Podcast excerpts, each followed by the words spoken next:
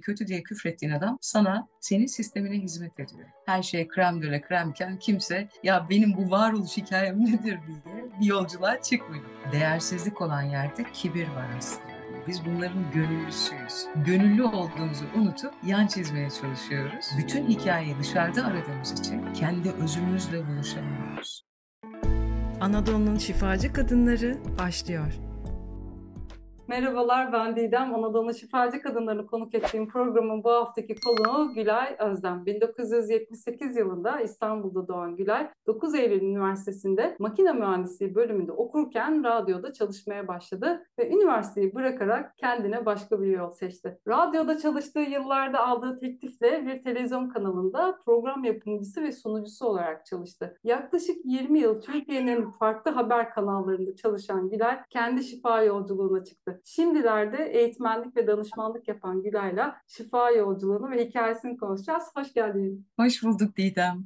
Ne güzel bir programda olmak. Çok güzel bir şey yapıyorsun. Teşekkür ederim. İnsan ırkından birisi olarak bu güzel insanlığından dolayı teşekkür ederim. Çok teşekkür ederim. Çok yoğun bir gündemin ve programın olmasına rağmen vakit ayırdın. Davetimi hemen kabul ettin. Gerçekten de çok teşekkürler. Bu arada Gülay'ı bana öneren sevgili Tuva Erdem'e buradan çok teşekkür ediyorum. Programın en sadık dinleyicilerinden kendisi. Onlara da selam olsun buradan. Gülay'la onun sayesinde tanıştık ve buluştuk aslında. Ve bana söylediği andan itibaren bunu her programda hemen hemen söylüyorum. Sizin de önerileriniz varsa böyle gerçekten bu programda yer almasını istediğiniz şifacı kadınlar lütfen bana Instagram adresinden ulaşın ve önerilerinizi iletin. Çok güzel bir hikayesi var. Nasıl oldu da bu şifa yolculuğuna çıktı gerçekten merak ediyorum. Yaptığın atölyeler söyleş atölyeleri.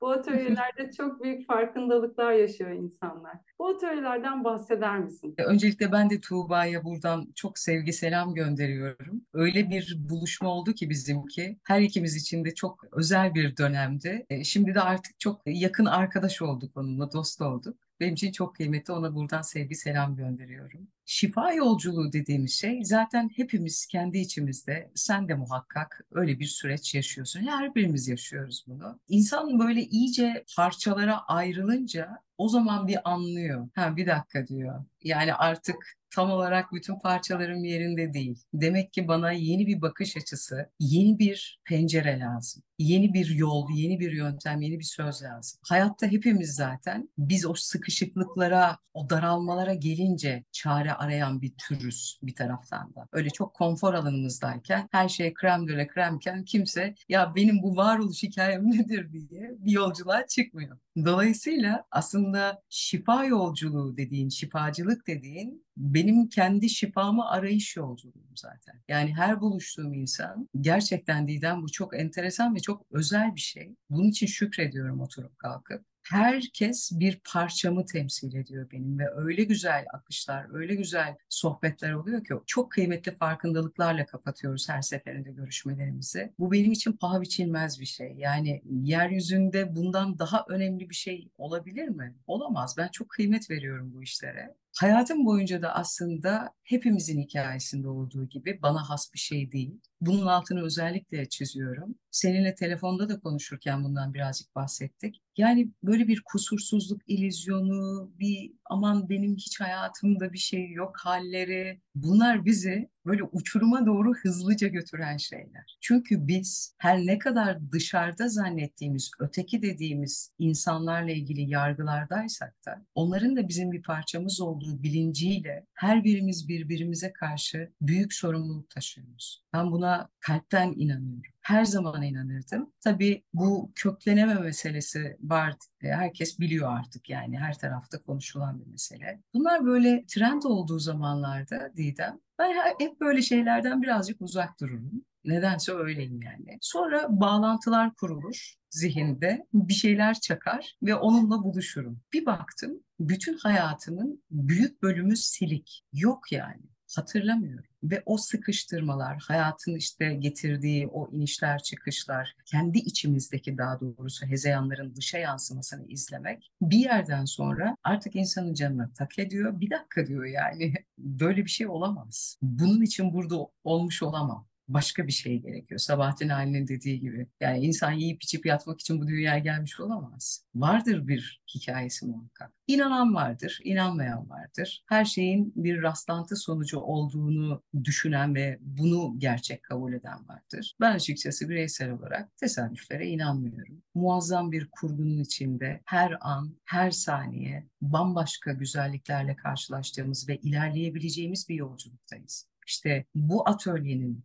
çıkış noktası da e, sözlerimizle yarattığımız etkinin farkına varmak. Çünkü orada bir sihir yapıyoruz hepimiz ama farkında değiliz. Bu da bir şuur altımız var. Bir de bizim uyuyan bir şuurumuz var. Yani bilincimiz açıkken ayakta uyuyoruz hepimiz. Öyle böyle. Ağzımızdan çıkanı duymuyoruz. Hayatın içindeki olayları anlamlandıramıyoruz, bağlantı kuramıyoruz. En son haber sunduğum yıllarda şu uluslararası eğitim araştırmaları yapan kurum bir araştırma yapıyor. Haberini okuduğumu hatırlıyorum Didem. Bizim okullarımızda kendi dilinde okuduğu yazıyı anlayamama oranı bizi hepimizi oturup böyle günlerce bunun üzerine tefekkür etmemiz gereken bir durum. Yani okuduğumuzu anlayamayacak bir yerdeyiz. Kendi dilimizde. Hani bırak başka dilleri. Şimdi bu nereden geliyor? Bu demek ki bilincimiz açıkken bir tarafımız uyuyor bizim. Yani diksiyon atölyesi olarak başladı bu. Diksiyonun karşılığı, Türkçe karşılığı da söyleyiş demek. Buna bu açıdan bakmak buradan biraz o farkındalık yolculuğunu açmak böyle bir niyetle başladı. Ve özellikle atölyeye katılan herkes birbirinden çok değerli. Her biri benim ruh parçam seviyorum. İlk öğrencim atölyede Tuğba olduğu için ve Tuğba ile karşılıklı o alışverişte onunla kat ettiğimiz yol bana daha da bir aşk verdi yani bunu yapmak için. Yani hayatım boyunca hiçbir şey yaparken bu kadar huzurlu, mutlu ve kıymetli bir şey yapıyorum. Vaktimi çok kıymetli bir şeye ayırıyorum. Duygusunu hiç hissetmedim. İlk defa burada hissediyorum. Yani söyleyiş, herkes ağdalı bir Türkçeyle, muazzam bir Türkçeyle konuşacak diye bir kuralımız, kaidemiz yok. Zaten herkesin de böyle bir görevi yok. Ama önemli olan o ağzımızdan çıkan sözlerle hangi bilinçaltı kodlarla bunları söylüyoruz da bunlar açığa çıkıyor ve biz hayatımızda bir şey yaratıyoruz. Biraz bu yoldan başladı Didem. Ve etrafta da hani bunu yaptığımız insanlarla, bunu konuştuğumuz insanlarla bir süre sonra değişimleri görmek. Yani ben her çalışmadan sonra bir altın madalyayla ayrılıyorum oradan. Çok mutlu edici bir şey bu. Hepimiz farklı kulvarlarda bir takım koşturmacaların içindeyiz. Birçoğumuz bunları yaparken niye yaptığımızın bile farkında değiliz. Öylesine otomatik bir pilottan gidiyoruz. Ama diğer taraftan her birimiz kendimizle buluşma yolculuğundayız. Bütün bu hezeyanlarımız, bütün bu büyüyememelerimiz, köklenememelerimiz bunların hepsi bizi bu yolculuğa çıkarıyor işte. Ya çok enteresan. Daha dün ev arkadaşım Öyküm'le o da konuk olmuştu. Dinleyenler hatırlayacaktır. Öyküm Elif Erdoğan. Dün aynı şeyi konuştuk. Yani bana şey dedi. Sen bence artık söylediklerine dikkat etmelisin dedi. Çünkü Evet, çünkü hakikaten öyle bir dönemdeyiz bir de yaratım çok hızlandı ve gerçekten de hani ne söylüyorsam bir şekilde böyle çat çat çat önüme çıkıyor ve bazen ben de çok şuursuz aslında söylediğimi ya da niyet ederken de aslında hani bir şekilde kendince iyi niyetler ama hani onun bana yolsa elektrik olacağını öngörmeyerek bazen sözlerime dikkat etmeden konuşabiliyorum. Bu anlamda bence de söylediğin şey çok kıymetli. Peki bu atölyelerin içeriğinden biraz bahseder misin? Yani bu atölyede katılanlar neyle hemhal oluyorlar aslında? Orada sen onlara neyi gösteriyorsun? Onların göremedikleri. Aslında tam olarak şöyle bir şey yapıyoruz. O uykuda haliyle konuşuyor. Reddetse de içsel potansiyelinde olan her şeyi anlatıyor bana. Ben aslında dinliyorum onları. Sonra dinledikten sonra bazı tespitlerde bulunuyoruz ve alışılagelmişin dışında bir bakış açısıyla, yeni bir perspektifle durumu bir daha ele alıyoruz. Bu kez gerçekten orada başka bir uyanış oluyor. Bu karşılıklı yaşadığımız bir şey oluyor. Dolayısıyla mesele kelimeleri hani böyle diksiyonumuz düzgün olsun falanla dışarıdan öyle bir etiketi var. Ama bu değil mesele. Yani bütün diksiyon öğreticileri tekerleme söyletirler bizim hızlanmaya değil ağzımızdan çıkanın anlamını kavramaya ihtiyacımız var. Zaten çok hızlıyız. Yani bu hız bizi iyi bir yere götürmüyor. Bu kadar hızlandığında insan farkındalıkla da düşünemiyor. Mesela bedeninizin telaşına bakın. konuşmanızdaki volümünüze bakın. Bunlar o kadar belirleyici şeyler ki bunları gördüğünde dur diyor sana sistem. Kendinde değilsin. Bütün bu köklenememe meselesi de aslında e, çok böyle acayip bir şeymiş gibi görünse de hayır. İnsan olduğunu kabul et. Köklenmek bu. Çünkü evet tamam biz bir ruhumuz var ama hepimizin ortak sorunu bu biliyor musun? Köklenememe meselesi hepimizin meselesi. Çünkü hiçbirimiz gerçekten insan olduğumuzu kabul etmiyoruz. Kendimizi öyle başka yerlerde görüyoruz ki çok iyi şeyler yaptığımızı zannediyoruz. Mütemadiyen haddimizi aşıyoruz. Binlerce yasası var bu kurulu alemin. Biz her birimiz şöyle zannediyoruz. Ben dünyadaki en iyi, en akıllı, en mükemmel insanım. Bu diğerleri bunlar da ne böyle? Bunlar da ne böyle dediği şey aslında giydiği etten elbisesi bu maddeyle, madde aleminde küçümsediği, kibirlendiği dünyada aynı şey, aynı yapı taşı maddeyiz biz. Buradaki hikayemiz madde olduğumuz deneyimini yaşamak ve bunu sonuna kadar yaşamak, hissetmek. Birçok insan ölümü kavrayamadığı için yaşamayı o kadar saçma sapan şeylerle dolduruyoruz ki. Kodlar, inançlar, kalıplar, biliyorumlar günün sonunda işte biliyoruz ama aksiyonumuz yoka dönüşüyor. Hiç kimse Yani- hayatında bir dönüşüm yakalayamıyor. Aslında bize ait olan şeyler değil. Tamamen bebekliğimizde, çocukluğumuzda etraftan Evet. böyle observe ettiğimiz, kopyaladığımız düşünceler, inançlar. Dolayısıyla ben başka bir yerde, başka bir ülkede de olsam ben başka bir inanç sahibi bir insan olabilirim. Benim gezi sırasında Endonezya'ya gittiğimde işte bir düğüne gittiğimi zannedip ortada dans ederken yanımda tavuk bilmem Ne diyorsun? Niye uğradığımı şaşırdım. Çünkü orada cenazeler düğün gibi. Evet. Şimdi burada orada büyüseydim o doğruydu benim için. Burada büyüdüm benim için ölüm yasla işte hüzünle işte ağlamakla eşdeğer. Dolayısıyla orada ağladığında niye ağlıyorsun hani öldü yani evet, falan gibi bir yer. Dolayısıyla bütün bunlar aslında özellikle de şimdi yapay zekanın da gelişmesiyle birlikte o robotların işte konuşmaya başladığı işte görüyoruz ya sosyal medyada. E bakıyorsun e benden farkı yok ki. Evet. O da kopyalıyor. E ben de bebek insan olarak annemi, babamı, etrafta işte kim varsa onu kopyalıyor. O zaman tam da dediğin noktada benim robottan bir farkım yok. Robottan farkım olması için yani insan olabilmem için o otopilottan çıkarmam gerekiyor mekanizma. Evet. Yani bunu mesela insanın böyle çok büyük mesailer harcamasına gerek kalmaksızın dışarıda işte kendimizde olmadığımız şey sürekli gözümüzün önünde hayat bizimle konuşurken bize çok güzel mesajlar verirken bizim işte o ayaktayız ama derin bir uykudayız halimiz bize sunulan karşımıza çıkarılan bütün o hikayeyi görmeden önünden geçiyoruz. Çok önemli şeyleri kaçırıyoruz. Neden yapıyoruz bunu? Sürekli bir acelemiz var. Sürekli korkularımız var. Sürekli kaygılarımız var. Kendimizde de değiliz. Yani çözüm ortaya koymak yerine sorunun etrafında döndüğümüz bir dilimiz, bir algımız, bir kodumuz var. Şimdi o zaman hani tekamül meselesinde biz niye geldik buraya? Tekamül etmeye değil mi? Aslında bunun anlaşmasını yapıp geldik. Geldik buraya, tekamül edeceğiz ama hiçbirimiz büyüyemiyoruz ki. Herkes çocukluğunda yaşıyor.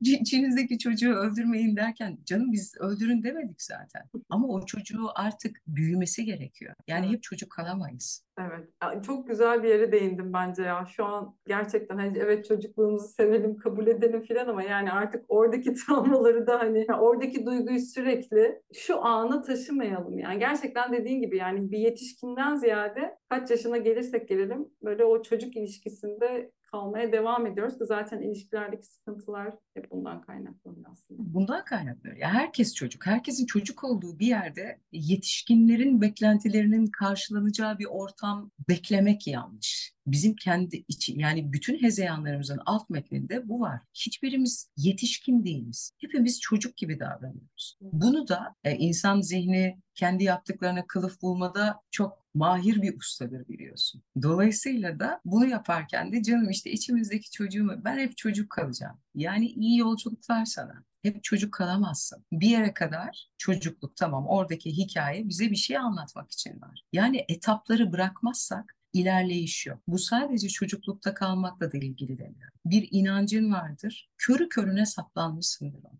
Bir tek doğru senin doğrun olabilir mi? Bu ne cüret yani? Benim doğrum olamaz. Senin doğrun olamaz. Milyarlarca doğru var. Yani karşı tarafa böyle bir yargıda, bir şeyde bulunacaksak önce bunu düşünelim. Herkesin bir doğrusu var. Ama tabii bu doğrular bizi bir yere kadar getirirler. Sonrasında o doğruların ötesinin olduğunu kavrayabilmemiz gerekiyor. Bunun için de niyet gerekiyor Didemciğim ve biraz emek gerekiyor. İnsanlar istiyor ki hepimizin talebi bu. Aman armut piş ağzıma düş. Bana bir şey söyle, hayatım değişsin. Ben istediğimi söyleyeyim sana.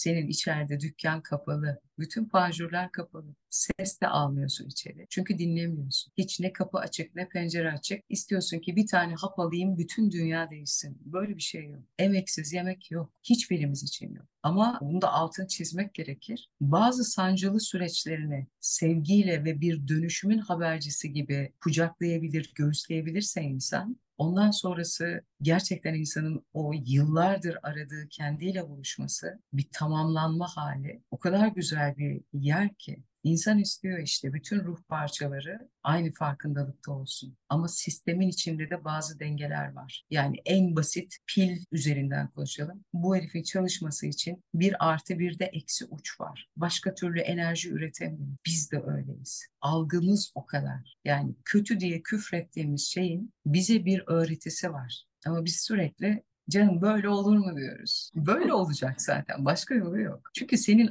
algın o kadar. Hepimizin algısı o kadar kavrayabilmemiz, bir, bir şeye bir zemine oturtabilmemiz için zıttıyla değerlendiriyoruz. Tek başına değerlendiremiyoruz hiçbir şey. Dolayısıyla sistem bize hizmet ediyor. Yani kötü diye küfrettiğin adam sana senin sistemine hizmet ediyor. Peki sen bu sisteme nasıl hizmet ediyorsun? Sen bu e, sisteme her gün küfrediyorsun. Peki sen nasıl hizmet ediyorsun? Sürekli dışarıyla kavga halinde olan insan bil ki içeride büyük bir kavga yaşıyor. Dışarıda kimse yok. Gerçekten yok dışarısı zannettiğin şey senin içeride takılı filmini sana izleten bir düzenek. Uyanacak mısın? Filmi değiştirebilirsin çünkü. Böyle bir şans verilmiş sana. Bir özgür iraden var. Ama özgür iradeyi kullanabilecek kadar kendinde değilsin. İnsanın en büyük çıkmazı bu. Neler yapabileceğini, gerçekten ne kadar ilerleyebileceğini bir kavrayabilse bir yapabilsek bunu önümüzde acayip bir alan açılıyor. Ama biz bu gücün farkına varacak kadar kendimizde değiliz. Sisteme küfrediyoruz. Her gün o sisteme, o değirmene su taşıyoruz. Böyle yaparak çünkü ihtiyacımız devam ediyor. Birileriyle kavga etmeye ihtiyacımız var. Ve Bizim çok... ihtiyaçlarımızı karşılıyor bütün sistem.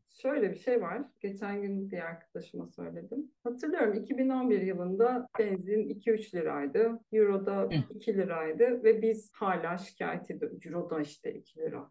Benzin de dünyanın en pahalı benzini diye. İşte aradan kaç sene geçti? 12 sene geçti. Benzin 40 liraya geldi, işte euro 30 liraya geldi ve biz hala aynı şeyleri söylemeye devam ediyoruz. Yani hiç bu en yakın zaman dilimi bu arada. Yani bu zaten hep böyleydi, böyle devam ediyor. Dolayısıyla o şikayet hali evet. ve sürekli aynı şeyleri tekrarlamak yani görüyorsun işte hani sürekli önüne tamam sen bunu mu diyorsun arkadaşım? Peki o zaman deyip böyle önüne daha da daha da diye getiriyor. Yani bunu bir fark edebilsek aslında o şikayet halinin devamlı işte o suçu hep karşı tarafta bulma halinin aslında hep bizim içimizden olduğunu fark etsek bütün dünyamız değişecek de daha henüz işte o şeye gelmedik. Umarım o gelir. Bu arada ben şunu merak ediyorum senin yolculuğun. Bir kere üniversiteyi bırakmak, hele ki mühendislik bölümünü, yani Türkiye'de biraz yürek ister çok affedersin. İşte kendinde olmayınca böyle deli cesaretiyle her şeyi yapıyorsun. Yani kendinde olmamak ama bir yandan da güzel bir şey. Çünkü kendi evet. isteğinin, hayalinin peşinden gitmişsin.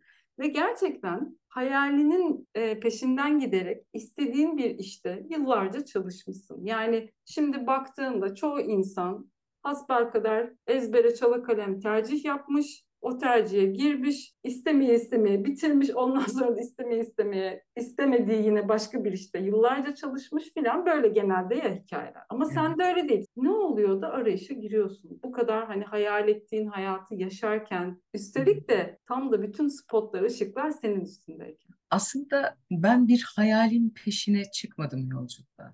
Benim bir hayalim bile yoktu. Çünkü dünyayla bağlantım yoktu Didem. Bunları işte yıllar sonra fark ettiğimde geriye dönüp baktığımda hani bazı bölümleri silik hayatımı. Gerçekten hatırlamıyorum. Orada değilim net. Şimdi atölyede de çalıştığımız insanlara benzer sorular soruyorum. Tanıyorum onları. Hepsi köklenememiş. Benden biliyorum. Yani çünkü biz bir bütünün parçalarıyız. O sokakları tanıdığım için bir şey söylüyorum, bir şeyle uyuşuyor ve bir farkındalık uyanıyor o sırada. Ben bir hayalin peşinden çıkmadım yolculuğa. Kendimde olmadığım için. Bir sürüklenme hali diyebiliriz buna. Her yaptığım işin içinde yani o mesela radyodaysam mikrofonu açtığım andan itibaren benim akışım başladığı andan itibaren mutlu olurdum. Ama mikrofon kapandığında ya da işte kamera kapandığında benim için gerçeklik sıkıcı ve boğucuydu her zaman. Orada bir akış vardı çünkü. Orada doğaldı. Orada bir, bir şey hissediyordu. Yaşadığını belki de hissediyordu. O kapanınca dışarısı boğucu, basıcı, sıkıcı geliyordu bana. Dolayısıyla da bunlar işte köklenememe, ayağının yere basmamasıyla, şuurun uyumasıyla ilgili şeyler. Yıllar içinde aynı deneyimleri tekrar tekrar yaşayınca insan bir gün hakikaten böyle yine benzer bir durumun yaşandığı bir gün içimde bir huzur hissettim o gün. Bir rahatlama hissettim. Ve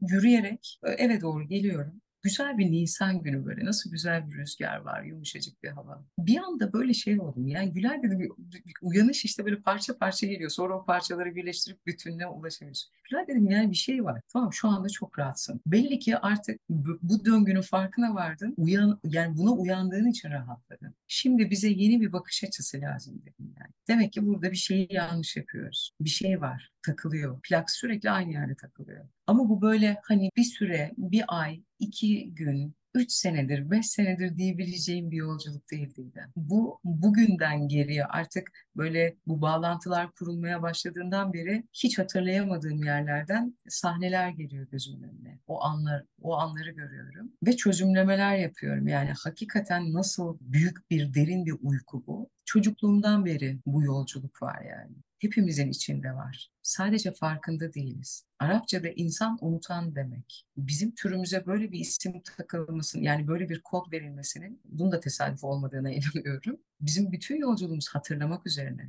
Kur'an'da öyle geçer. Levh-i mahfuz her birimizin içinde var bunlar. Sadece hatırlamıyoruz. Bütün hikayeyi dışarıda aradığımız için kendi özümüzle buluşamıyoruz. Herkes özgeçmiş konuşuyor değil mi? Özgeçmişler konuşuyor. Peki öze geçen konuşulsa daha kıymetli değil mi? Çünkü bizi ne okuduğumuz okullar, ne oturduğumuz sokaklar, ne maddi gelirlerimiz, toplumsal statümüz bunlar bizi belirleyen şeyler değil. Bunlar bizim bütün bu deneyimlerden neye dönüştüğümüzle ilgili bir önem kazanır belki. Çünkü onun dışında yaptığımız hiçbir şey o kadar da mühim değil. Onlar bizi tanımlayamaz. Sadece birer deneyim onlar. Ama ne oluyor? İdealize edildiği için insanlar birbirlerini kıyaslamaya başlıyorlar. Mutsuzlar. Çünkü hep dışarı bakıyoruz. Yani bu kendi içine dön meselesi böyle fantastik bir hikaye gibi duyuluyor ama öyle değil gerçekten. Oraya döndüğünde bunu fark ediyorsun. O kavuş, çünkü hepimiz o kadar özledik ki kendimizi Didem. O kadar dışarıdayız ki.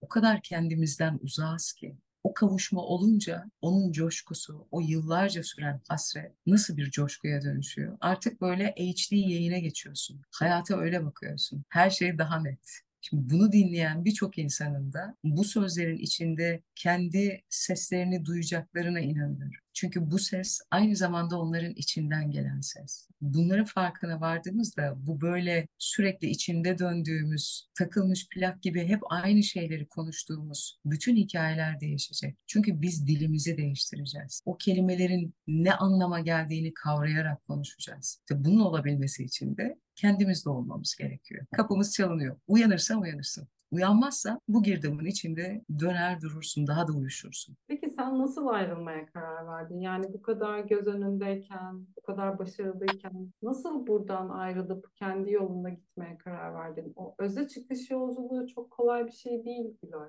Çünkü bütün o bildiğin, bütün o aslında beslendiğin bir yandan. Evet sana iyi gelmese de bir alıştığın bir besin kaynağı var. Onları nasıl bıraktın? Valla şunu söyleyeyim sana çok samimi bir şekilde. Benim kabuğum o kadar katılaşmıştı ki, o kadar sertti ki. Benim o kabuğun içinden yani onu kırıp çıkamam, çıkamadığım için dışarıdan bana onu kırabilmem için sayısız deneyim geldi. Çünkü benim ihtiyacım buydu. O kabuğu kırmamız gerekiyor. Onu değiştirmezsek devam edemiyoruz. Aynı yerde kalıyoruz. Dolayısıyla ben bir yerde bu talebi yaptım. hatırlamıyor olsam da ben bu yolculuğu seçtim. Ama hayatıma geri dönüp baktığımda hep burayla buluşmaktan kaçmışım. Hepimiz gibi kendimden kaçmışım. Kendimle buluşmadığım için mutsuzmuşum, öfkeliymişim. Dünyada olmayı bir ceza zannederdim ben. Böyle gençlik yıllarımda, ilk gençlik yıllarımda. Ceza herhalde. Yani bir, bir kusur işledik belli ki. Burada da ceza çekiyoruz diye bakardım. O kadar katıydım. Olaylar tam ihtiyacım olduğu şiddette gelince bunu bir yerde durdurmam gerektiği, bunun için artık harekete geçmem gerektiği hissiyatıyla kendimle yüzleşmelerimi, o insanın kendiyle yüzleşmesi, bütün bu hikayenin senaryosunu kendi yazdığını fark etmesi, bunu kabul etmesi Didem gerçekten meşakkatli bir iş. Yani bu kadar zaman uyuşmuşsun, ne yaptığının farkında değilsin. Hepimiz için söylüyorum bunu. Sonra kavga ediyorsun dışarıyla falan. Dışarı zannediyorsun kendinde değilsin ama yani yaptığın hiçbir şey mantıklı ve e, akıl kârı değil. Yani kırılma noktaları kolay değil ve o yolculuğa çıkmak evet dediğin gibi cesaret isteyen bir yolculuk. Çünkü cesaret yani sürekli korkarsan ve korkunla yüzleşmezsen o korkunun esiri oluyorsun. Yani yaşadığın hayat Korku da var değil mi ama bir yandan yani korkmana rağmen adım atıyorsun değil mi? Yani Tabii. korkusuz bir yer değil orası. Yani insanlar bir şey yanlış anlıyorlar bence. Yani mesela işte seni görüp işte ne kadar cesur kadın. Tamam cesur ama yani yani biliyor musun ben o yollara giderken dizlerim nasıl titredi? işte Nasıl korktum biliyor musun sen? Çünkü ona da ihtiyaç var dediğin çok doğru. İşte insanlar bunları söylemediği için karşı taraflara şöyle geçiyor olabilir. Ya tabii canım oradan konuşmak kolay. Ama arkadaşlar hiçbirimiz bir diğerimizden farklı bir hayat yaşamıyoruz. Emin olun içeride hepimiz aynı şeylerle savaşıyoruz. Kendimizle, kendi içimizdeki canavarla savaşıyoruz. Şuuru kapalı, saçma sapan, ne yaptığının farkında olmayan bir tarafımız var. Bunun da bize bir süreye kadar hizmeti var Didem. Yani sistemin içinde yaşadığımız hiçbir şey boşuna olmuyor hizmeti var. Ama o hizmeti artık tamam teşekkür ederim deyip bırakmazsan orası senin kuyun oluyor. O kuyunun içinden de görebildiğin kadar zannediyorsun. Hayatı, dünyayı, insanı, bütün bu varoluşu. Ama senin açın bu kadar. Yani bu kadar olamaz. Dedim ya herkesin farklı bir doğrusu var diye. Hakikat Yaradan'ın elinden düşüp de dünyada bin parçaya bölünen bir aynaydı. Şimdi her birimiz minicik bir parça buluyoruz. Budur diyoruz. Ben de diyorum ki yani bu benim ilginç bakış açım. Bunların ötesi olabilir fikrine en azından bir bakalım. En azından bir bakalım reddetmeden, yargılamadan bir bakalım, bir değerlendirelim. Bir kendi süzgecimizde bir bakalım buna. Geçiyor mu bizden? Bir şans tanıyalım. Çünkü her şey bizim gördüğümüzden ibaret olamaz. Bu kadar küçük olamaz yani. Meşakkatli bir yolculuk olduğunu da herkese de söylüyorum. Korku, korku hepimizde var. Çünkü o da bizi bir aksiyona getiriyor. aslında meşakkatli olmasının sebebi de yine bizden kaynaklanıyor bence. Tabii canım o da bizim konumuz. Yani bırak, bir, bir bıraksak hani akacak da hani o kadar böyle duvarlar işte bir sürü kimlikler, tanımlar var ki tabii ki de onları bırakmak çok kolay olmuyor. Senin hayatında hani birçok kırılma noktası olmuş tabii ki de ama en iki önemli kırılma noktasından bahset. Babanın vefatı ve e, yaşadığın bir ilişki nasıl etkiledi? Bunlar senin dönüşümünde sende nasıl etkiler yarattı? Kendinde neler fark etmene vesile oldu? Yani ilk işte e, babam e, vefat ettiğinde 18 yaşındaydım ben ve çok da iyi bir ilişkimiz vardı. Babamı çok severdim yani. Hala seviyorum. İyi ki onu seçmişim baba olarak, o da beni seçmiş. İyi ki ailemdeki herkes tam olarak olması gerektiği gibi. İyi ki onlarla birlikte çıkmışım bu yolculuğa. Her birinin varlığına şükran duyuyorum. Babamın ölümü tabii e, daha 18 yaşındasın düşün hani daha 30'larında falan bilinç yerine gelmeye başlamış. O zamanlar hiç yok. Bizim o 18 dediğimiz yaşlar daha bilinç seviyesi, insanlığın bilinç seviyesi o kadar dar bir alandaydı ki şimdi bak yıllar geçti. Bizim şu anda 5-6 yaşındaki çocuk bizim o 18 yaşındaki belki kuramadığımız şeyi kurabiliyor. Çünkü donanımlar yenileniyor. Bak şimdi de burada bütün konuşmanın içinde diyoruz ki kodlarımızı bırakalım. Başka bir alan olabilir oraya bakalım diyoruz. Şimdi o zamanki Hülay'ın bunların hiçbirine haberi yok. Zaten kaskatı dünyada da olmak istemiyor. Bir savaşı var içeride. Babamın ölümü benim ilk çakılışım, en büyük ilk çakılışımdı. Çünkü ölümü algılayamıyor. Babam 49 yaşındaydı öldüğünde. Ölümü algılayamıyor. Dünyaya kavgalı. Şimdi niye bu kadar sevdiğim birisi benden alınıyor isyanı? Hayata isyan, her şeye isyan. Dolayısıyla yaratıcıya isyan. Biz onu hayatla kavga ediyoruz zannediyoruz. Orada bir çok genç ve toy olduğum için çok da kavrayamadım ama büyük bir içe dönüş yaşadığım ilk zamandı. Sonrasında tabii başka olaylar işte iş hayatı başladı, ilişkiler ama en benim için büyük bir dönüşüm yaşadığım ilişkim bundan 10 sene evveldi. Gerçekten tam olarak bir anlaşmayla bir araya gelmiş gibiydik. Gülay'ın bütün hikayesinin değişeceği an o andı geçmişte yaşadıkları da bir bir tarafa. Ama o anda babam öldüğünde bir hani dip yaşadım zannediyorum. Dibin dibi varmış ve onun daha da dibi var. Bizim ihtiyacımız varsa dibin dibi de var. Yani hayatta her şey var. Biz hangi ihtiyacı barındırıyoruz içimizde onu fark edelim. Sonra o ihtiyacım bitmemiş, dünyayla kavgam, isyanım bitmemiş. Böyle bir ilişki.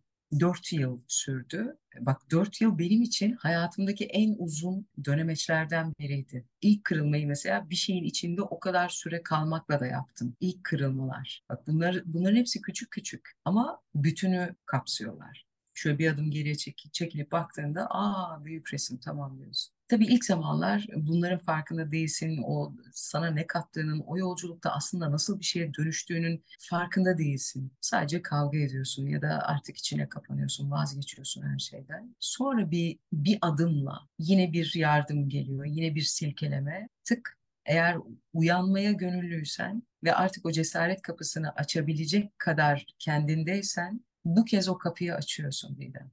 Sonra oradaki hazineyi keşfetmeye başlıyorsun. Dolayısıyla bugüne kadar hayatıma her kim girdiyse, her kimle kısa, uzun, küçük, büyük ne yaşadıysak her birine bu deneyimlerdeki karşı rolü oynadıkları için, o sahnenin yaşanmasına katkıda bulundukları için gönülden, yürekten sonsuz teşekkür ediyorum. Her birinin varlığını kutsuyorum yani. Çünkü bu bir takım oyunu. Bizim anlayamadığımız şey bu. Sen olmazsan ben de yokum. Kime anlatacağım bunu? Ben yoksam sen de yoksun. Yani biz birbirimizle varız. Birbirimizi kucaklayabilirsek, en azından farklı bir bakış açısı tamam diyebilirsek birçok şey ortadan kalkacak. Yani sürekli gözümüzün önünde kavgalar, savaşlar izliyoruz ya. Bunları biz talep ediyoruz. Çünkü uyuşmak için ne gerekiyorsa bir taraftan bir taraftan da bizim dünyayla bir kavgamız olduğu için bir kavga izleme ihtiyacımız, bir savaşı görmek istiyoruz. Dikkat et yolda bir kaza olur, herkes onu izler ve trafik durur. Yani bunlar çok önemli hani böyle toplum bilimcilerin falan kapısını çalmamıza gerek yok. Düz mantıkla baktığımızda hikayeyi anlıyoruz zaten. Biz kaza olsun da seyredelim deyiz henüz birçoğumuz. Burada da bir yargı yok. Bu bir tespit olarak söylüyorum. Evet. Demek ki orada böyle bir ihtiyaç bitmemiş. Ama bunu şunun için söylüyorum. Eğer biz ihtiyaçlarımızın farkına varıp bir yetişkin gibi gerçekten artık çocukluk travmaları anamdır, babamdır bu hikayelerle barışıp çünkü buradan kurcalayarak onu değiştiremiyorsun. Kabul edeceğiz yani. Dün dünde kaldı, bitti. Dünü değiştiremeyiz. Önümüzdeki maçlara bakacağız. Ama bugün hangi aksiyonu alarak önümüzdeki maçlara çıkacağız? Bugün heybemizde ne var? Bugün sofraya ne koyduk? Kendimizi, ruhumuzu neyle besledik? Buna bakacağız. Bunlara baktıktan sonra zaten o ihtiyaçlar azalacak. Yani gerçekten bu böyle bir spot bir cümle gibi artık insanların kulağına duyuluyor ama biz değişmezsek değişmeyecek hiçbir şey. Yani birey değişmezse, birey uyanmazsa toplu halde uyumaya devam edeceğiz. Her birimiz birbirimizden sorumluyuz. Ben burada şey sormak istiyorum. Sen bu yolculuğa daha doğrusu hani bu tarz e, kırılmalar yaşadığında hayatında insan çünkü kendisiyle yüzleştiren kırılmalar oluyor bunlar. Ve kendi karanlığıyla buluşturan kırılmalar oluyor. O karanlığın içinden neler çıktı Gülay? Gerçekten hiç o zamana kadar fark etmediğin neler gördün? Bunu da itiraf etmesi çok kolay yerler değil paylaşması ama sanki artık biraz bunlardan konuşsak daha şifalı bir yermiş gibi geliyor bana. Çünkü Evet. Gerçekten o karanlık, o gölgeler hepimizde var. İçimiz yanıyor, kavruluyor. Senin içinde neler oldu? O içindeki o karanlık seni nerelere götürdü ve o karanlıkta sonra nasıl balık barıştın? Valla aslına bakarsan o karanlık yani kendi içimden çıkanlara baktığımda tam bir yani bütün bu hikayeyi sen yazmışsın Gülay. Böyle yapmışsın, bunu söylemişsin, bunu talep etmişsin. İşte uyuduğun için de farkında değilsin. Bütün bunları kabul edeceksin. Burayı geçmenin başka yolu yok. Gerçekten iki yıl gibi bir inziva sürecim oldu. Gülay'ın en derinine inebilme yolculuğuydu o. Artık her parçamı görmeye, her tarafımı hissetmeye başladım. Bunlarla da yüzleşince yani yüzleşmekten başka çaremiz yok. Bana ne ben oynamıyorum diyemezdim artık. Artık orada değildim yani. Artık benim de az evvel konuştuğumuz gibi bu çocukluk hikayesini bırakıp büyümem gerekiyordu. Yani hepimiz çocuk olursak birinin bizim elimizden tutması gerekiyor. Biz büyüyelim de yani kendi çocukluğumuzu şifalandıralım. Biz bir yetişkin olalım. Dolayısıyla benim o yolculuğum da tam olarak böyle oldu. Büyümem gerektiğini, artık buna bir son vermem gerektiğini hayat bana çok güzel anlattı. Benim anladığım dilden konuştu.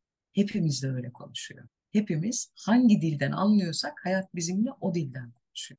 Benimki de tam olarak böyle oldu. Çünkü mekanizma insan ayırmaz. Herkese eşit davranır. Oradan çıktıktan sonra da o iki yılın sonrasında da arada birkaç yıl daha devam etti. Zaten bu bitmeyen bir yolculuk yani. Her seferinde başka bir katmanını e, keşfediyorsun ve orada bir şeyleri çözümlüyorsun ya da e, algın açılıyor ve bunları fark ediyorsun. Tam olarak böyle bir yolculuktu. Gerçekten e, çok da şanslı bir insanım Allah'a bir şükür. İşte taleplerimizin nasıl hızla karşılandığına dair nasıl bize yardımlar geldiğine dair kendi hayatımdan şeyler. Öyle insanlar, öyle güzel ruhlar karşıma çıktı ki, öyle güzel aktarımlar oldu ki, onların da vesilesiyle, katkılarıyla ama burada hepimizin şunu unutmaması gerekiyor. Birisi mürşit edinebilir, bir şey olabilir falan filan da.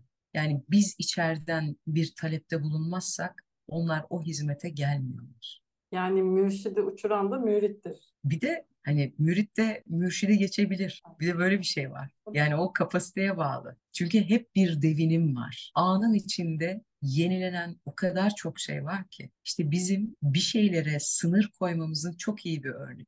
Mürşidi, mürşit lazım. Mürşidi geçemezsin. Burada mürşidi metaforik olarak söylüyorum. Hayatın içinde her yerde böyle bir kısıtlamalar var. Bütün bunlar da aslında bize şunun için söyleniyor.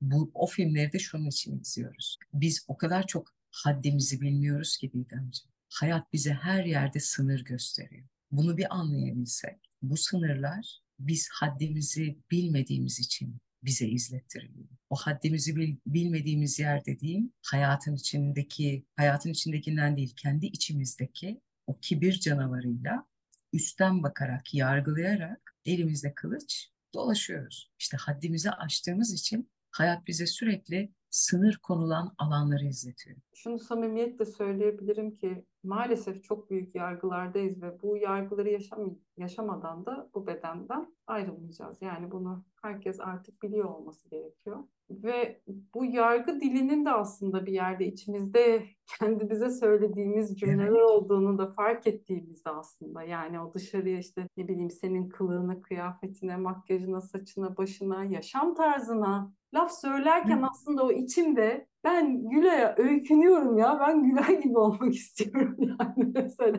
Bu arada ben şöyle bir şey açayım hemen programa başlamadan önce Gülay'ı görünce ben gözlerim falan taşı gibi açıldı. O kadar güzel ki. Bakımlı makyajlar işte saçlar falan çok özene böyle yani çok özenmiş gerçekten ve hani bu onun ne kadar saygı duyduğunu da gösteriyor. Takdir ediyorum hani işin esprisi tabii ki de. Ama orada işte kendimiz o karşı tarafla ilgili cümleler söylerken gerçekten belki çılgınlar gibi dans etmek istiyorum. Gerçekten belki de böyle bağırmak istiyorum, çığlık atmak istiyorum ama yapamıyorum ve yapabilen biri var ve ona sinir oluyorum yani. Evet. Tabii tabii. Bizim yapamadığımızı yapan herkese, herkese gıcık oluyoruz biz. Yani baktığımız yer burası. Çünkü kendi içimizde bastırdığımız, sıkıştırdığımız, özgür bırakmadığımız, az evvel dediğin gibi hani hep bir sınır, işte aman öne çıkmayayım, aman sakın göze batmayayım. Yani göze batma tamam da özgün ol. Gülay peki bir şey söyleyeceğim. Bu var evet ama bir yandan da müthiş bir görüneyim isteği de var hepimizde. Tabii. Bak çok enteresan yani değerli hissetme halini bir tarafımız evet geri duruyor korkuyor ama bir tarafımız da çok istiyor. Çünkü oradan bir beslenme hali var. Kendimize veremediğimiz değeri görünür olursak alabiliriz gibi bir yerler var oralarda ve bu birazcık pek de sağlıklı bir yere gitmiyor gibi. Bilmiyorum sen nasıl düşünüyorsun, nasıl gözle, gözlemi nasıl bu konuyla ilgili merak ediyorum. Aslında orada bir illüzyon var. Dışarıda çok böyle muazzam bir hayat olduğunu düşünüp kendimizi böyle aciz, çaresiz ve başka bir kalıpta görüyoruz. Çünkü kendimize böyle bakıyoruz. Kaçımız aynaya gidip gerçekten neye sahip olduğumuzun farkındalığıyla bakıyoruz yüzümüze. Görebiliyoruz, koklayabiliyoruz, duyuyoruz, konuşuyoruz, tadalım. Yani zaten bir servet taşıyoruz üzerimizde. Hani bunlardan birini kaybedince anlıyor insan nasıl bir servetin sahibi olduğunu. Bilgiden öğrenmedik. Çünkü kendimiz deneyimleyene kadar bir şeyi idrak edemiyoruz. Çünkü o idrakı istemiyoruz, talep etmiyoruz. Çünkü talep eden buluşuyor onunla. Dolayısıyla o göstermeliyiz, değersiziz ama bir taraftan da gösterelim ve değer görelim durumu. Şimdi içinde bulunduğumuz çağda herkes göstermeye odaklı. Kimse görmeye odaklı değil ve görmeye odaklı olmadığı yer tam olarak kendisi. Hepimiz için böyle. Kendimizi bir görsek, gerçek kendimizi bir görsek, zanlarımızın ötesindeki, bakış darlıklarımızın ötesindeki kendimizle bir buluşsak, o zaman hiç bu hesaplara, kitaplara, şunlara, bunlara gerek kalmayacak. Göstermek, değersizlik. Değersizlik olan yerde kibir var aslında. O kadar böyle ters köşeleri var ki mekanizmanın. Çok eğlenceli, çok eğlenceli, çok güzel. Peki ileride neler var kafanda böyle projelerin, hayallerin neler? Gerçekten şu anda yaptığım şey, bütün hayatım boyunca hazırlandığım şeyi yaptığıma inanıyorum benim o şuursuz hallerimde bile, savrulduğumu zannettiğim zamanlarda bile aslında ince ince bir ağ örülüyormuş. Tıpkı bir örümcek ağ gibi. O kadar muazzam ve sanatsalmış ki. Hani o küçük parçalardan değerlendirdiğimiz dönemler bitip motifin tamamını görünce buymuş diyoruz. Şu an gerçekten hayal ettiğim şeyi yaşıyorum. Hatta benim hatırlamadığım dönemlerde verdiğim sözü hatırlıyorum. Öyle bir bir şeyin içindeyim şu anda. O kadar güzel ki hani temas etmek, ruh parçalarına buluşmak, her birimizin gerçekten bir bütünün parçaları olduğunu anlamak, kendini keşfetmek, bir başkasını izlerken kendinle bir yolculuğa çıkmak anlatılmaz yaşanır. ne güzel ya herkese nasip olsun diyelim. Gerçekten yani o boşluğu doldurduğumuzda kendimiz ihtiyacımız olanı kendimize verdiğimizde ve işte o asıl hizmetimizde o marifet dedikleri şey ortaya çıkıyor ve marifetinle hakikate, kendi hakikatine ulaşıyorsun. Ve bu çok kıymetli bir şey. Evet. Dilerim ki hepimiz bu yolda ilerleyen ama uyanmış ama uyanmamış ama yine de yolda olan herkes için tek dileğim bu. Çünkü sürekli o arayış halinde oluşumuzun başka bir sebebi yok. İşte dolanıp duruyoruz bu alemlerde. Oysa ki o işte şah damarından yakın olan aslında bu kadar yani. Ama işte onu da bulmak için dolanmak gerekiyor bir süre. Yani hepsinin bir Hepsi anlamı bütünde var. bir anlamı var. Evet. Evet, evet. O yüzden çok güzel. Peki sana böyle ilham olan film, kitap ya da podcast var mı önerebileceğin? Podcast olarak seni önereceğim tabii ki. Çok güzel, çok lezzetli bir program çünkü. Onun dışında kitap Beni etkileyen birden fazla kitap var aslında. Ama böyle çok hatırımda kalan son dönemlerde sürekli onun içinde daha da derine indiğim, okuduklarımı hatırladıkça anlamlarını kavradığım e, kitaplar. Biri Levh-i Mahfuz, bir diğeri de Tanrılar Okulu. Gerçekten böyle insanın kendiyle yüzleşebilmesi için özellikle Tanrılar Okulu böyle alıyor seni karşına. Neresinden anlarsan, nasıl anlarsan böyle tokatlıyor seni. Çok güzel bir e, akışı var. Herkes de okuyamıyormuş o kitabı nedense. Hep böyle duyarım. Aa, evimde var ama okuyamıyorum diye. Hepimizin işte bir bir vakti var. O ben kendiyle yüzleşmeye. Aynen. Ben bununla ilgili bir örnek vermek istiyorum. Sene 2010. Bir arkadaşım, yakın bir arkadaşım Şimdinin Gücünü sana verdi. Ha, evet. Malum başucu kitaplarından bir tanesi evet. o.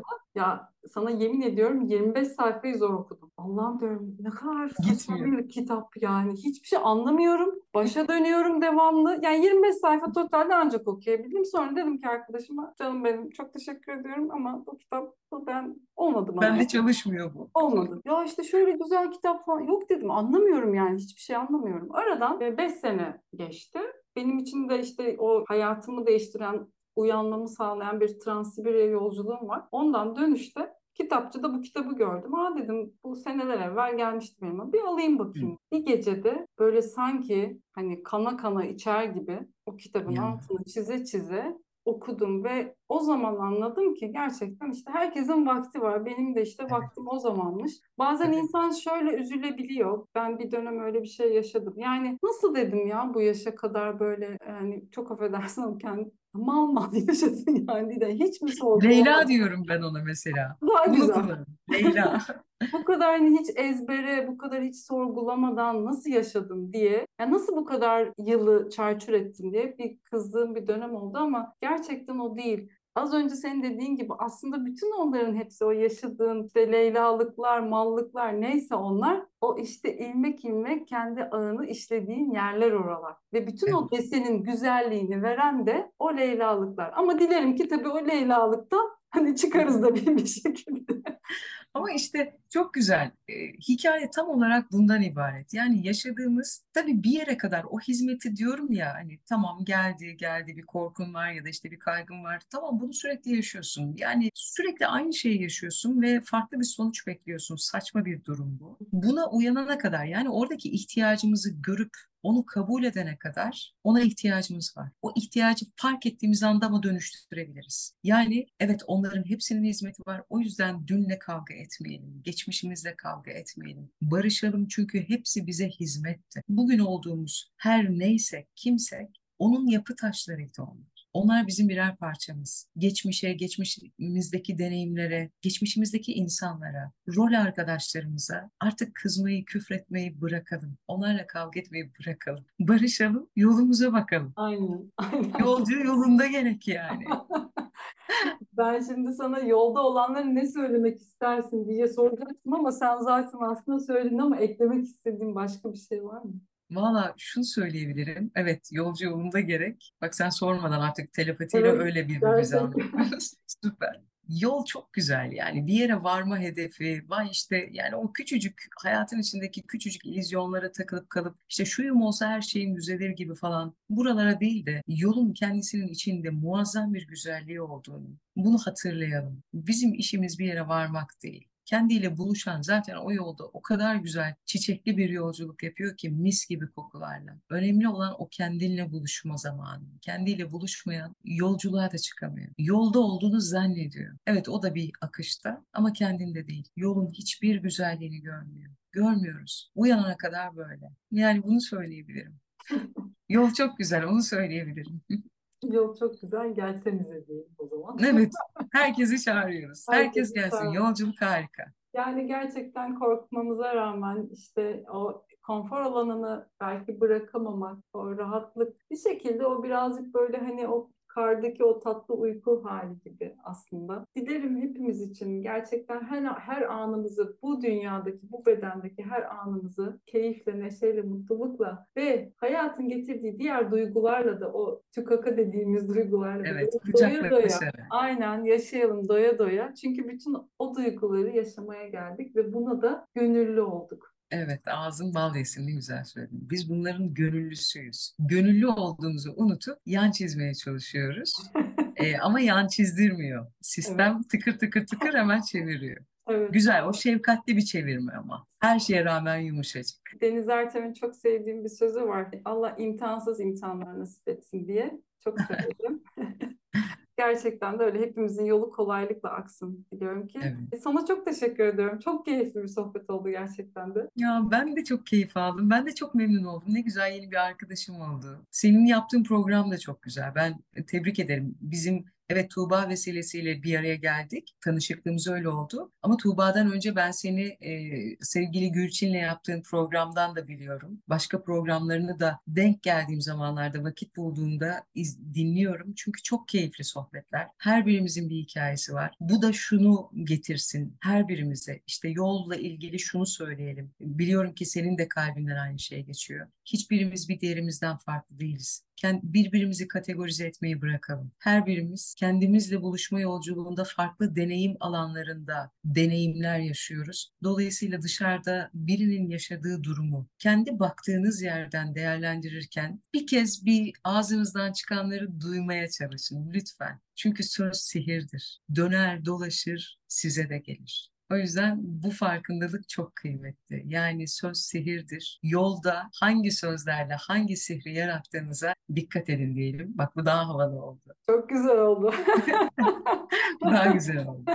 Çok güzel oldu gerçekten. Ay. Çok teşekkür ederim. Dilerim Ben de teşekkür en ederim. hayırlı zamanda yüz yüze geliriz, tanışırız. Evet. Bekliyorum Fethiye'ye. Evet evet Fethiye'ye geliriz artık. Açık Tabii. açık davet bu. Tamam. Ve e, aşk buluşmalarına da seni davet ediyorum. Burada herkesin huzurunda. Onun için davet Allah bunu şimdi herkesin ortasında yaptığına göre Evet. artık reddedemem yani.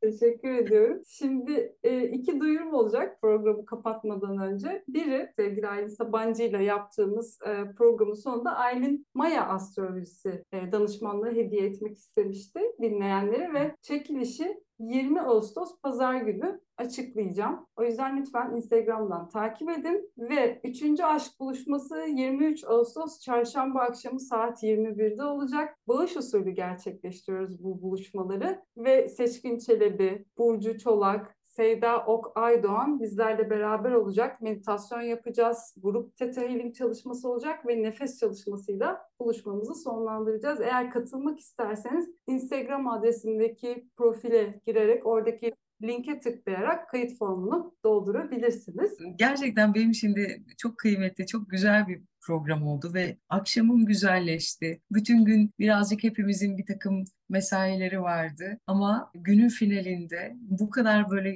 gönlümüzün genişlediği, böyle güzel bir sohbete vesile olduğun, buna kapı açtığın için çok teşekkür ederim. Ben de iyi ki geldin, iyi ki vaktini ayırdın. Canım İyi ki bu kadar içtenlikle paylaştın. Bu çok kıymetliydi. Ben Ve sizlere de teşekkür ediyorum. İyi ki buradaydınız. İyi ki bizimleydiniz. Dilerim sizin için de ilham dolu bir sohbet olmuştur. Kendi yüreğinize samimiyetle, içtenlikle ve şeffaflıkla bakmanıza vesile olan bir sohbet olmuştur. Diliyorum ki bir sonraki programda görüşmek üzere. Kendinize iyi bakın. Hoşçakalın. Hoşçakalın. Anadolu'nun şifacı kadınları sona erdi.